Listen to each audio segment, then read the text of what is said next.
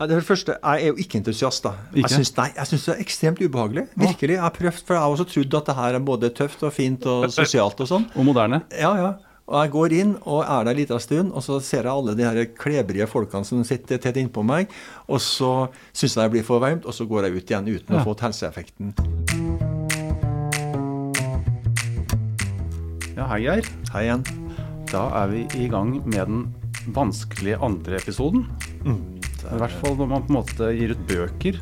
Så Ja, snakker, man ofte om, snakker man ofte om den an vanskelige andre boka. Ja, Særlig hvis den første har vært en intens suksess. Ja. Da er det vanskelig med den andre, så du får kjenne etter hvor relevant det er. Jeg tror ikke vi skal evaluere ennå, men eh, det er en del som har lasta ned episoden. Ja, så bra. Og fått litt tilbakemeldinger på Facebook. Mm. Blant annet fra en eldre dame som skrev Det er en fin podkast. Ja, det høres, det høres bra ut. Fint. Mm. Det var hyggelig. Kort, hvem er du, Geir? Eh, Jeg er en psykiater som bor på Lillehammer og mm, er forskningssjef i aldring og helse. Og så er jeg professor, i geriatri på Universitetet i Oslo. Ja. Jeg heter Petter Wem. Jeg er redaktør. Halvt finsk. Det har en relevans kanskje for denne episoden. eh, to barn og bor i Tønsberg. Riktig. Jeg, Ja. jeg visste det var noe finsk med deg, så det var fint du sa det. Vi skal ikke snakke veldig mye om det, men eh, det har en viss relevans for denne episoden, som sagt. Um, hva skal vi snakke om i dag, Geir? Det skal jeg si nå. Kan vi virkelig motvirke aldringsprosessen? Vi ser på en ny bok, boka 'Yngre' av Hanne Finstad. Den nye vitenskapen om aldring og hvordan du kan motvirke den, står det på forsiden til boka som jeg har her. Det står også 'Slik ble jeg fem år yngre på ett år'. Spennende. Ja. Det blir myter, historikk, popkultur og vitenskap i skjønn eller kanskje uskjønn forening. Eh, Så kommer vi tilbake til våre blå soner. Det er steder der folk lever svært lenge rundt omkring i verden. Vi har jo lokka med at vi skal kanskje dra litt rundt i Norge og finne noen blå soner. Kanskje blir det en blåturné. Uansett, vi har snakka med en ekspert, Vegard Skirbekk, vår blåsoneekspert, eh, om dette. Det kommer vi også tilbake til. Og til slutt, og relevansen til Finland, kan den eldgamle praksisen med å ta badstue forebygge demens? Vi kommer inn på hva vi selv kan gjøre for å forebygge. Og så dykker vi ned i den varme vitenskapen for å finne noen svar. Ja. Yes. Ok, Geir. Vi eh, kjører på. Det vi. Ja. Er jeg klar, jeg? ja det, det, du ser veldig klar ut. Jeg sitter og venter. Ja, og, det, eh, Noen ganger så kom, snubler man over begrepet anti-aging, eller anti-aldring. Eh, og det har jeg stussa litt over noen ganger. Eh, kort, for dette kan jo ramme inn det vi skal snakke om i forhold til boka 'Yngre'. Hva er anti-aldring? Altså, det er jo det, Du er heldig som bare har snubla i det. da. Altså, du, du kan jo bli begravd i det hvis du begynner å google aldring, f.eks. For, det her er jo en av de raskest voksende industrier. Hvordan skal vi hindre at vi blir gamle, rett og slett. Um, og det handler om eh, hva man skal gjøre, og hva man skal spise, eventuelt hvilke medisiner man skal gjøre. Så mm, kampen for å så ikke eldes, da, eller ytterst sett ha et evig liv, den er jo ikke ny. Men eh, den eh, er nå liksom forankra i en svær og en voksen industri. Hvis vi tar, eh, tar og ser, litt, ser oss langt tilbake, så har man snakka om livseliksiren i mange hundre år. Disse alkymistene som skulle finne opp gull, og livseliksiren eh, for et evig liv, de jobba på. Ja, de jobba på, og det her har jo vært sånn tematikk i film i mange sammenhenger. Eh, du husker jo Hva het han derre som eh, Han eh, Harry Potter? Nei, nei! Mye tøffere enn det. Han som reiste rundt og leita etter masse, masse mulig. Indiana Jones. Indiana Jones, Den Han- hellige gralen. Ja, ja riktig. Fountain of Youth. Altså, det er jo sånn som virkelig har vært et sånt tema i masse forskjellige sånn kultursammenhenger, også i film. Så mm, nei, det er jo ikke rart at man er interessert i det. Nei? Jeg syns det er litt fascinerende sjøl, men eh, hvis man tenker seg om, så er jo spørsmål hva det egentlig har for seg. Ja, og, og hvor langt skal man gå? Ikke sant? Det Ja. er jo Ja, det kommer vi tilbake til. Um, jeg vil først stille spørsmålet uh, dette, Det er mye, mye som det er inne på, mye rundt dette i mediene. Og populærkultur, myter, ikke sant, eh, historikk. Hva gjør det med oss i forhold til det å tenke rundt aldring, tror du? Um, ja, det er, det er, et veldig stort spørsmål. da. Eh, grunnen til at det er mye av det i media, er jo at vi er opptatt av det. Det tror jeg. Media de tilpasser seg jo sine kunder, dem også. Eh, og så kan det gjøre altså I beste fall så kan det være en motiverende faktor eh, for å på en måte bringe livet vårt mer i tråd med det vi ønsker. I verste fall så kan det være en eh, eh, brems noe som ødelegger for oss, eller som skaper skamfølelse, tristhet, og som kanskje skaper sykdom.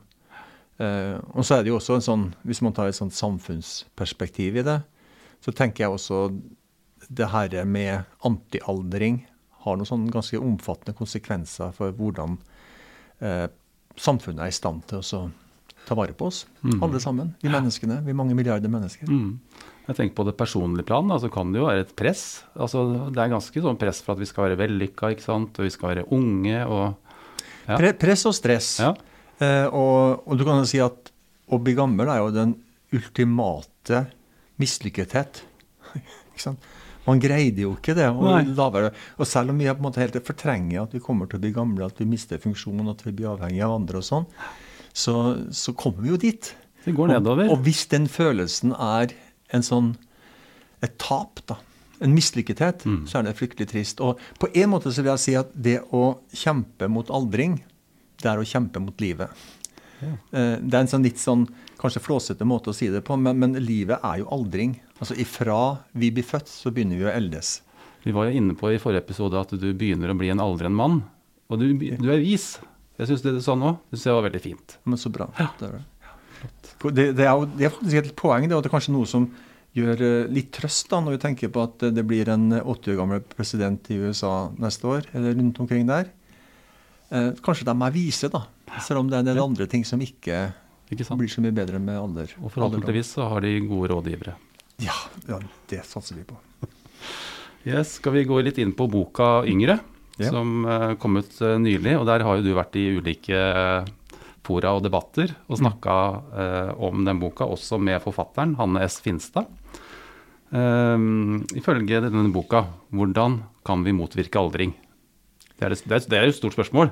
Ja. Men eh, hva mener hun? Ja, det, hun har gjort et eksperiment. Ja. Hun har utsatt seg sjøl for alle de tingene her. Og det gjør det jo også mer spennende å lese. da. Så hun har endra livsstil. eller endra Du kan si hun har gjort mer av en del ting hun har gjort før. Jeg tror ikke hun har gitt helt blaffen i uh, helse og sånt. Nei, det sier hun også, at hun ja. Eh, drikker jo litt vin innimellom og har det hyggelig og sånn. Ja da, men altså, også, også tidligere hun, hun har vært en person som har vært opptatt av eh, det å ta vare på, mm. på helsa si og kroppen. Um, så det er det ene. Um, livsstil.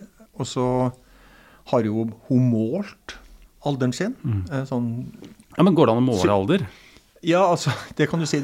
Måten Hanne Finstad har gjort det på i denne boka her, det er at hun har målt noe som heter metyleringsgrad av DNA. Oi, det, yes. det, nå ble jeg et spørsmålstegn. DNA vet du hva for noe? Altså, ja. Det er jo det arvestoffet. Det kan i liten grad endres på. Eh, det du har fått, det har du. Eh, og så er det sånn at eh, det skjer jo likevel mye med DNA når det gjelder hva det vi kaller det vi koder for. Altså DNA produserer jo altså De kopierer et sekvens fra DNA, så blir det et protein av det, f.eks. Ja. Og så slås det her av og på. Og det slås av og på med noe som heter metylering. Altså det er sånn, et molekyl som kobler seg til DNA, og så slår det av eller slår på. Ja. Og så er det sånn merkelig nok at måten de her eh, molekylene kobler seg til DNA på, det er assosiert med aldring. Ja. Så da kan du analysere altså hvor er det kobla på sånne stoppe- eller øh, øh, fremme-molekyler. Og så finne ut ja, det er den biologiske alderen. Og Det er det Hanne Finstad har gjort. Det kan måles på andre måter også. Det kan måles på hvordan nyrene mine fungerer, hvordan hjertet fungerer, hvordan lungene fungerer. Men det er mye mer tungvint enn å bare sende Du kunne sendt en spyttprøve. Ja. Ja, ja. Fått svar i løpet av relativt kort tid. Betalt noen tusen, men så har du visst den biologiske alderen til Petter VM. Den er prikk, prikk, prikk. Ja. Eh, klokke Hun nevner, altså, snakker om en klokke. Er det altså biologisk klokke eller, eh, eller mål, liksom måleinstrumenter? Ja, altså det, Den biologiske Ja. klokka her, det Ja. er nettopp den, den der målingen Yes. av det vi kaller metyleringsgraden av, Ja. av DNA. Eh, f- eh, For det her ble jo først presentert jeg tror for vel ti år siden, 2011, av en som heter Horvath, som publiserte det på veldig høyt nivå. Han, han fant relativt tilfeldig fram til det her sammenhengen mellom eh, måten, måten DNA-et blir slått av på på, og aldring. Ja. Og så har den blitt eh, raffinert. da ja. Gjennom årene, og nå er det flere tilbydere. Det fins mange forskjellige såkalte biologiske klokker der ute. Og hvor gode er de? Eh, de er jo ikke bedre enn at de varierer, eh, og det gjør de også. De har jo tatt flere forskjellige forfatterne av denne boka. Eh, men de er mye bedre enn kronologisk alder. Hvis Ja. du tenker på at Hva er målet med å finne alderen? Ja, Det er kanskje målet å finne ut hvor utsatt jeg er for sykdom, hvor utsatt jeg er for å dø. Så er denne klokka mye bedre enn den kronologiske alderen. Ja. Men den er ikke så mye bedre enn andre ting. Altså Den psykiske helsa mi eksempel, kan være like sterk knytta til hva jeg får av andre sykdommer, hvor fort jeg dør. Min sosioøkonomiske status er like sterkt knytta til det. Og det er en rekke andre mål som også er sterkt knytta til det. Så spørsmålet er for det første trenger vi det. Og så er det uklart om det er den rette måten å gjøre det på individnivå for den enkelte. Ikke sant? For det er jo et poeng. Altså hun, hun snakker om den nye vitenskapen. Mm. Eh, men så sier hun også at hun gjør et eksperiment på seg selv. Eh, og hun bruker eh, kjente jeg, forebyggingsteknikker ikke sant? I forhold til, som, som vi kan komme litt nærmere tilbake til. Men også eh, kosttilskudd, antioksidanter, til og med medisin. Mm. Og da er det interessant å snakke med deg som lege. Ikke sant? Uh, hva uh, Kan dette fungere, ikke sant? Og er det noen bivirkninger? Uh, man skal kanskje ikke ta to spørsmål i ett. Ja, Men- men altså, Det er en effekt og bivirkning. Ja. Det, som, det, det gjelder sånne ting, egentlig. Um, jeg synes, for det første, jeg syns det er en veldig morsom bok å lese. Og den første delen særlig. Den forklarer en del veldig kompliserte ting Mm. på en god måte. Men så, så syns jeg budskapet ellers er veldig problematisk. Det ene er at jeg har ikke noe tro på at vi trenger en måling til. Vi har så mye målinger, og som jeg tror potensielt kan skape stress for oss. Jeg har en sånn klokke Mm. her ikke sant, Ja, ja. som forteller meg det meste. Mm. Og noen påstår at det er så fantastisk fint å få vite av klokka på morgenen at i natt har du sovet dårlig. Som om jeg ikke visste det. Ja, men jeg, det, det funker bra for meg. Gjør det det? Ja, det gjør Hvorfor det? det? Altså. Nei, for jeg har eh, over tid sovet, eh, tidligere sovet dårlig. Ja. Når med en gang jeg fikk denne og begynte å kartlegge, så, så slappa jeg på et, på et eller annet annet vis av. For jeg så at jeg kanskje sov mer enn det jeg trodde. ja, akkurat. Ja, Så- Snedig. Så, ja, så- så- du blir liksom, men, men, men hvis jeg da sier Men jeg, det er ikke noen konkurranse. Jeg konkurrerer ikke om å, å sove liksom uh, mer og mer. Eller, altså, og om jeg våkner på natta, så, så ser jeg ikke på klokka. Jeg sitter, bare ligger og slapper av. ikke Ja. sant? Og, Ja. ja, for det er veldig interessant ting. En annen som var veldig begeistra for det, han sa til meg at Vet du hva, det, det kjempefine er jo at noen ganger så tror jeg at jeg har sovet godt, men så sier klokka mi at jeg ikke har sovet godt. Men da lurer jeg på, altså, har du bruk for å vite det? ja, ikke sant? Hva, skje- hva gjør det med deg? Ja, Nei, altså, det er fint at du liker det, Peter. Ja, ja, jeg er veldig skeptisk til det. Eh, at det har noe for seg å måle stadig mer. Mm. Eh, antall skritt. Eh, for på en måte så jeg mener at vi får den informasjonen den, idet vi våkner. Ja. Eh, vi får det når vi går opp en bakke, og hvor Mm. Andpusten blir. på kroppen. Ja, hvor, Ja. hvor vondt det er, osv. Ja. Aldringen er der hele tida, uten Mm. at vi trenger et, masse ekstra mål. Men kanskje er det motiverende, som vi begynte å snakke om. Mm. Og du er da muligens et eksempel på det finske i deg, det. Ja, kanskje det er det. Ja. Det er ikke godt å si. Men det, det, det ene er jo da Det er skeptisk til det her med å måle. Både fordi at jeg tror ikke det er presist nok, og jeg tror det kan skape stress. Og så er det her, eh, har det noe for seg å ta de kosttilskuddene og eventuelt den medisinen. Og det er svaret mitt på nei. Det mener jeg ikke det har. Det er godt at det har det en gang i fremtida, når vi vet mer, Mm. men jeg foretrekker å vite om en ting har effekt, hvis jeg skal ta det. Eh, Og jeg vil også gjerne vite hva slags bivirkninger det har. Og greia med det her, Metformin er jo det medikamentet det er snakk om, som Mm. er et medikament som er godt studert når det gjelder behandling av diabetes type Mm. 2. Eh, og så det, har det vært noen sånne studier, ikke sånn entydig, men som kanskje har vist at det kan også være livsforlengende. I dyremodeller så er det det. Og det gjelder de andre her eh, tilskuddene også. Men greia er at vi har ikke noen erfaring med å teste det ut for på en måte å forlenge liv med god helse. Ikke ikke- Vi har erfaring med å teste det ut på diabetes type 2. Men da må jeg spørre ok, hvis du skal ta det for å senke din biologiske alder, hvilken dose skal du bruke? Mm. Når i livet skal du starte? Hvilke bivirkninger skal du være på utkikk etter? Vi Mm. veit ikke. Nei. Og når vi ikke veit, så syns jeg ikke vi skal bruke det. Nei. Nei. Um, så vil jeg stille kanskje et retorisk eh, spørsmål. Bør andre gjøre som Finstad? Altså, Folk må finne ut sjøl. Det syns jeg for så vidt. Jeg ville ikke gjort det. Og jeg tror hvis jeg skulle gitt et råd til sånn befolkninga generelt, så tror jeg det skaper mer stress enn god helse. Og potensielt mer uhelse. øh, at folk skal ta inn over seg. Jeg syns ikke man skal måle biologisk alder. Eh, per i dag så er det en industri som jeg ikke syns det er grunn til å støtte veldig mye.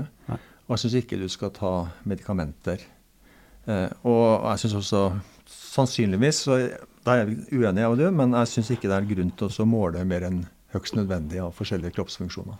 Likevel så har dere et måleinstrument på armen. Ja, klokke. Den er nå kvart på ti. Det er bra.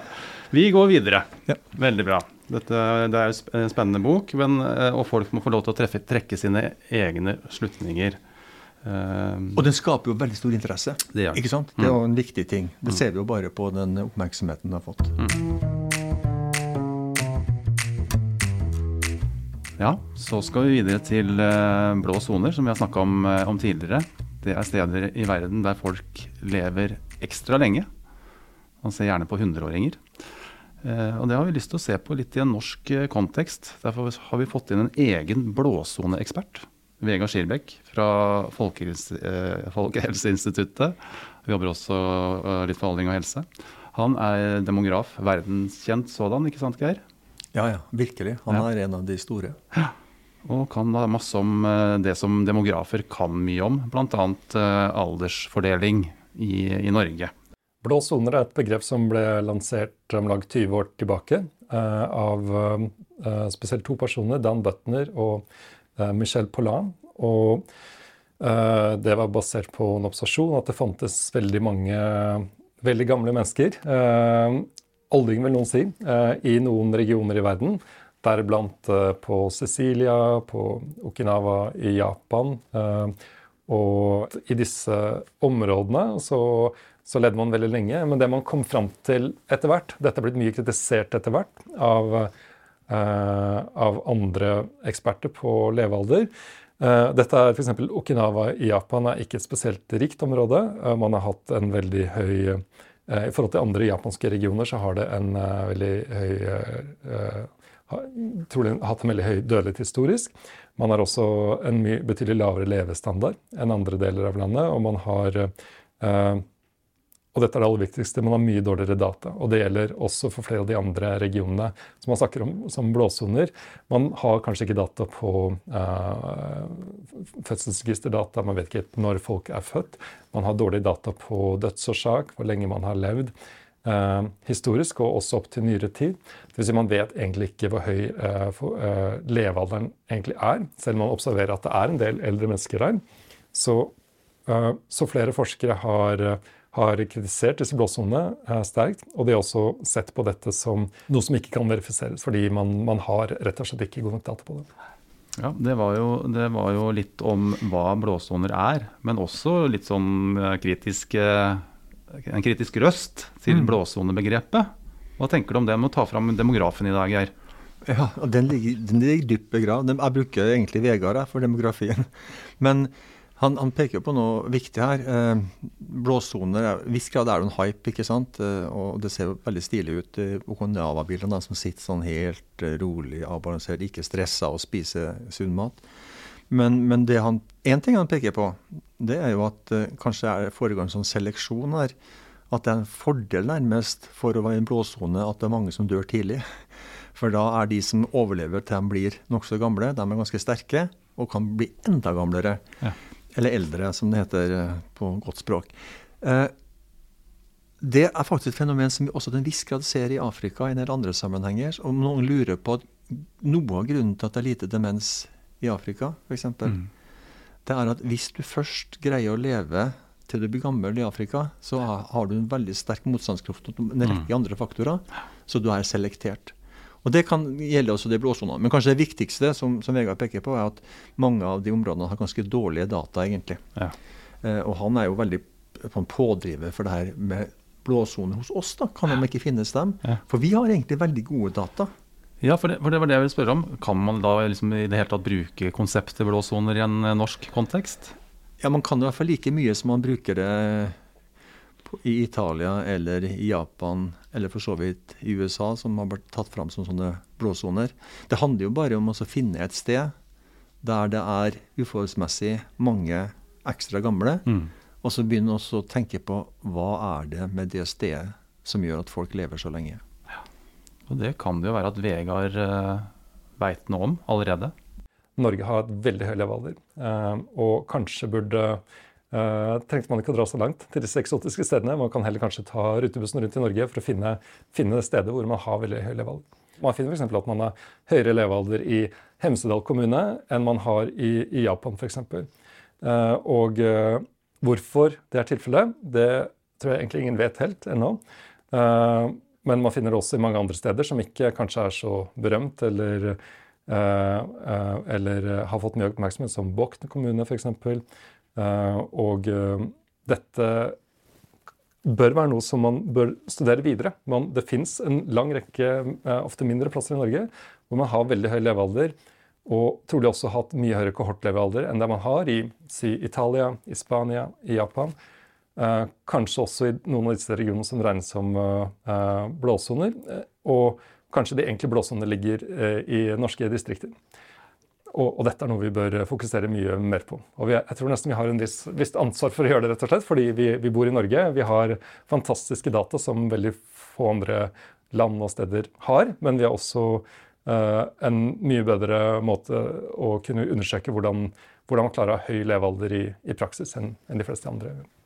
Jeg tror du må hjelpe oss litt, Geir. Han brukte noen begreper som kohortpopulasjon. og kan, kan du oppsummere kort? Ja, altså det, det blir veldig teknisk, da. Du kan si, da, da ser du på en, en gitt Altså de som ble født i 28, f.eks. Eh, hvor gamle ble de, hvor de som er født i 30, 35 osv. i den og den kommunen. Eller så kan man si hvor mange gamle man har innenfor en periode. altså det. Men jeg vet ikke om vi skal gå så nøye inn på det. Greia her er at man jobber nå for å finne gode metoder for å si at jo, i det området eller i den kommunen så er det en såkalt blåsone definert som at det er mange flere enn forventa ut fra et gjennomsnitt som oppnår en veldig høy alder. Eh, Og Hadde vi også da fått med altså, helsa til det her, så hadde det vært veldig bra. Men, men, men du kan si at det er jo gjerne en stor, sterk sammenheng mellom graden av god helse og hvor gammel man blir. Mm. Ja. Nei, og når vi var da og intervjua Vegard på Folkehelseinstituttet, så snakka vi litt om rett og slett, Vi snakka om eh, blåtur forrige gang. Ja. Nå snakka vi om blåturné, Mm. rett og slett. Ja. Kanskje vi har snakka om å ta rutebussen rundt, men i hvert fall at vi eh, kanskje til og med sammen drar ut på ulike steder. Kan det være Hemsedal, kan det være Bokken, Ja. kan det være andre steder. Eh, innhente data, snakke med folk. Snakke med gamle folk om helsa deres. Det kunne vært spennende. ja, ja, det er kjempespennende. Jeg får en sånn assosiasjon til en pinne for Helsedal og en pinne for Botten. Kan du synge i bussen og sånn underveis? Ja, Det blir sånn heisatur. Det høres ut som du gleder deg til en heisatur. Eh, nei, men det er akkurat det. Altså, fordi at, og da har vi jo kanskje mulighet til sånn, på en ganske kvalifisert måte å kunne stille de rette spørsmålene mm. og gjøre de rette observasjonene. Så hvorfor all verden i Hemsedal, f.eks.? Mm. Er, er det noe med lufta? Lite forurensning? Er Ja. de veldig avslappa? Mindre stressa? Jeg er glad i å stå på ski. Ja, kanskje det. Handler det om hva de spiser for noe? Mm.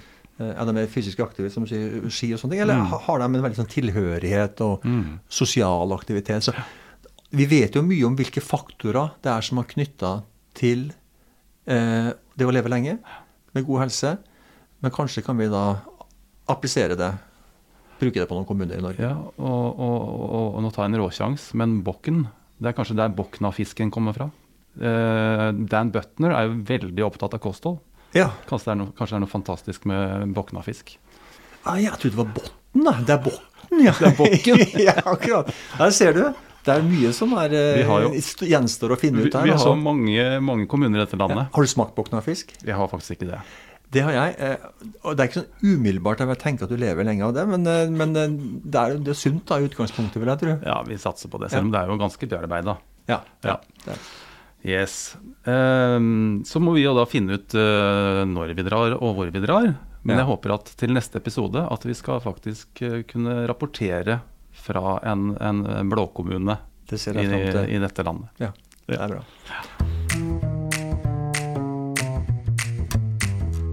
Yes, da skal genene spille opp til dans, holdt jeg på å si. Det er jo mine eh, halvfinske gener som har fått ordentlig utløp i koronatida. Ja. Da bygde jeg to badstuer. Én hjemme og én på hytta. Vedfyrt, eh, selvfølgelig. Eh, og det er jo for velvære, ikke sant, og, og for å ha det bra. Eh, og så har jeg snubla litt eh, Jeg snubler stadig. Eh, og litt forskning på, på sammenhengen da mellom badstue og forebygging av demens. Eh, og så i tillegg så har vi da eh, Plutselig som ble jeg finsk, men så har vi da et eldgammelt eh, ordspråk som sier at Bastua, badstua er den fattiges apotek. Ja. Et finsk eh, munnhell. som kanskje kan også være fint å ta med seg i dette. ikke sant? Så, så, så det, for å gå, gå rett på, da, så bedriver jeg også hjernetrim med Duolingo. eh, etter inspirasjon fra deg fra, fra gammelt av, Geir. Eh, og en del fysisk aktivitet. Eh, men først så tenker jeg at vi skal snakke litt om denne badstuebiten. Mm -hmm. Eh, og er det sånn at regelmessig besøk i ei badstue, kan det gjøre noe med demensen? Eller i hvert fall forebygge Ja, demens? ja, Først, vi må jo kalle det sauna. Ja, vi skal, ja, ja, ja da. Jeg- Men nå jeg tok du meg på den, liksom. Ja, ja, riktig.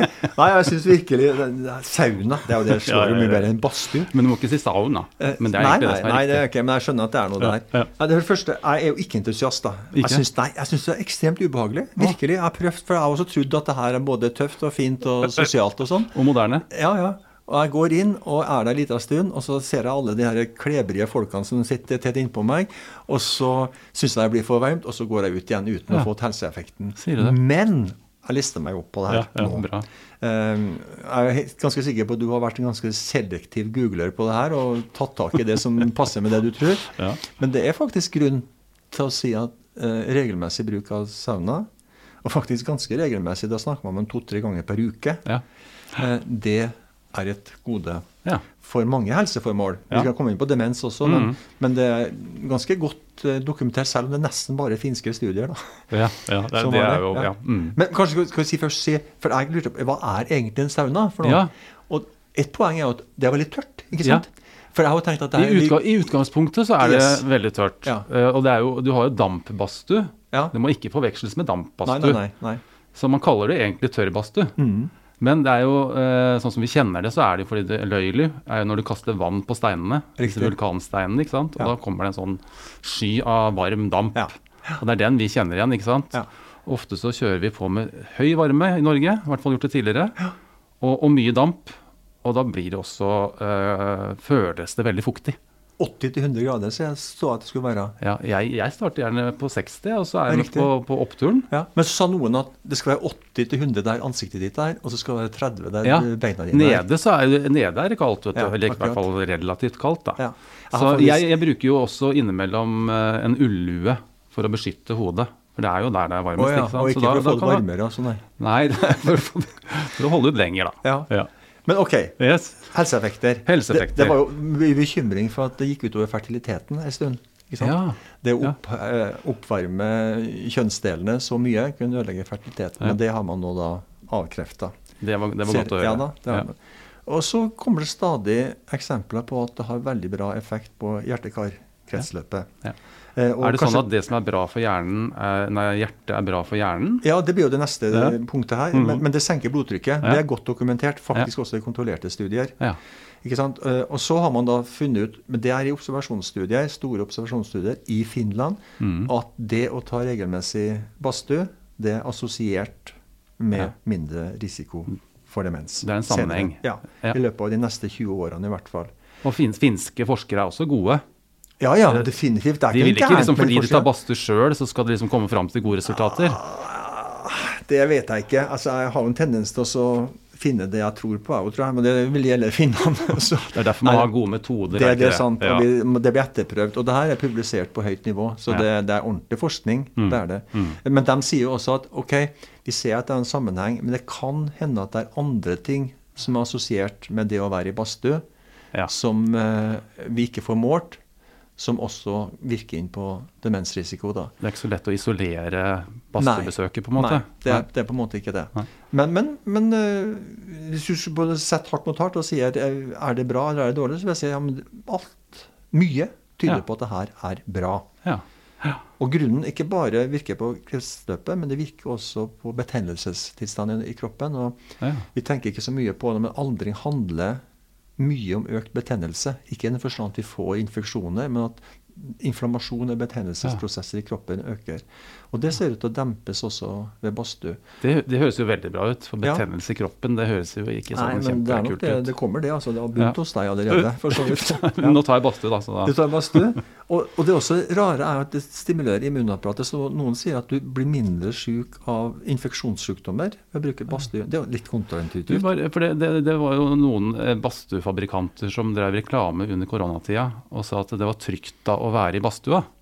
Det tror jeg var å trekke den langt. Det var å trekke langt, Ja, ja. men likevel, det, det virker jo som for så vidt den høye temperaturen ikke øker smittespredningen, heller demper det. Ja. Og også at du får mindre uh, alvorlige symptomer. da. Det er nok litt sånn spekulativt det her, men, men mye tyder på det. Mm. Og, og jeg trodde det var helt motsatt. For jeg tenkte om vi satt der ved sida av hverandre med masse høy temperatur og sånn, og dampa så, så Og. Det var en sånn smitte... uh, ja. Ja. Virkelig en smittekilde. Ja, nei, men vi må prøve å få omvendt deg, Geir, Ja. til, eh, til badstue... Vi tar badstuen, da. Ja, altså, vi får se. Vi får se. ja, nei, det var en prøve. Det, var faktisk så fascinerende eh, når jeg leste om det, og såpass overbevisende at jeg tenkte kanskje jeg burde jeg prøve det igjen. Ja. Men så er Det er, forskning, altså det er noe med forskning og deg, ikke sant? Ja. Altså du, du leser, du, du blir over, kan bli overbevist. Ja da, men jeg plukker jo gjerne det jeg liker best. da. Ja. Jeg gjør jo tingene jeg liker best, selv om jeg også baserer litt på forskning. Ja. Eh, eller mye på forskning, kanskje. ja. Men så er spørsmålet har det noe, er det noen fare med det her. Yes, ja, ris, det kan jo kanskje være Hva noe- merker du? Har du merka noen Nei, hvis, altså, hvis jeg sitter uh, lenge, Mm. hvis jeg drikker litt alkohol, Mm. eller litt mye eh, Mm. Altså, jeg gjør ikke det I så badstua? Ja, jeg Ja. har gjort det, ja da. Ja. ja. Eh, og ikke drikker vann, så er det klart at det er vel en risiko. For å- Definitivt. ja. Ja. Og det er den store tingen Ja. som også de finske forskerne understreker. Ja. Det her er trygt i de aller fleste sammenhenger. Altså, Unntatt hvis du har det som kalles angina, altså sånn hjertekrampe. Eller hvis du har nylig hatt et hjerteinfarkt. Eller hvis du har det som kalles aortastenose. Altså at du har et hinder i, på den veien ut fra hjertet som gjør at blodet ikke går så kjapt ut i kroppen. Alle de tre tingene gjør at man skal være forsiktig med badstue. Og så er den siste tingen alkohol. Ja. For alkohol det påvirker også blodtrykket. Og eh, faktisk opptil halvparten av alle dødsfall knytta til badstuebruk. Ja. Og da vet jeg ikke om det er badstuebruken som er årsaken, men knytta til badstuebruk, der har det vært alkoholinntak. Ja. Og Finland lever jo sunt på mange måter, men utifra, Det er mulig at det er eh, en myte, men, men det virker jo som de drikker litt alkohol borti der. Det, det, det hender. Ja. Mm. Så, så, så hvis man holder seg unna alkohol Ja. ved badstuebesøk, så er det visstnok veldig trygt. Ja, Det er godt å høre. Eh, du har jo Ja. Men bare en liten ting til, for, for du snakka om eh, at, at det forsterker andre eh, ting. Altså, og det er et godt poeng, fordi at for dem som driver med fysisk aktivitet, og så hvis de da tar badstue i tillegg, så Mm. får de ekstra effekt, Mm. som nesten like stor. Ja.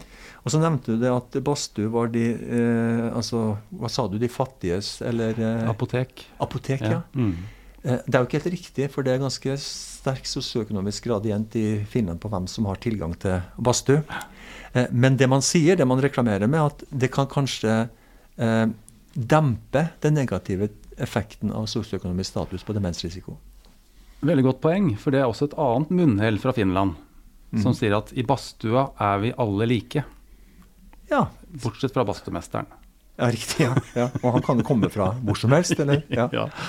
Nei, Ja, det, men det er var bra. da tror jeg det er kompetansen som gjelder, altså for badstumesteren. ja Mm. akkurat. Mm.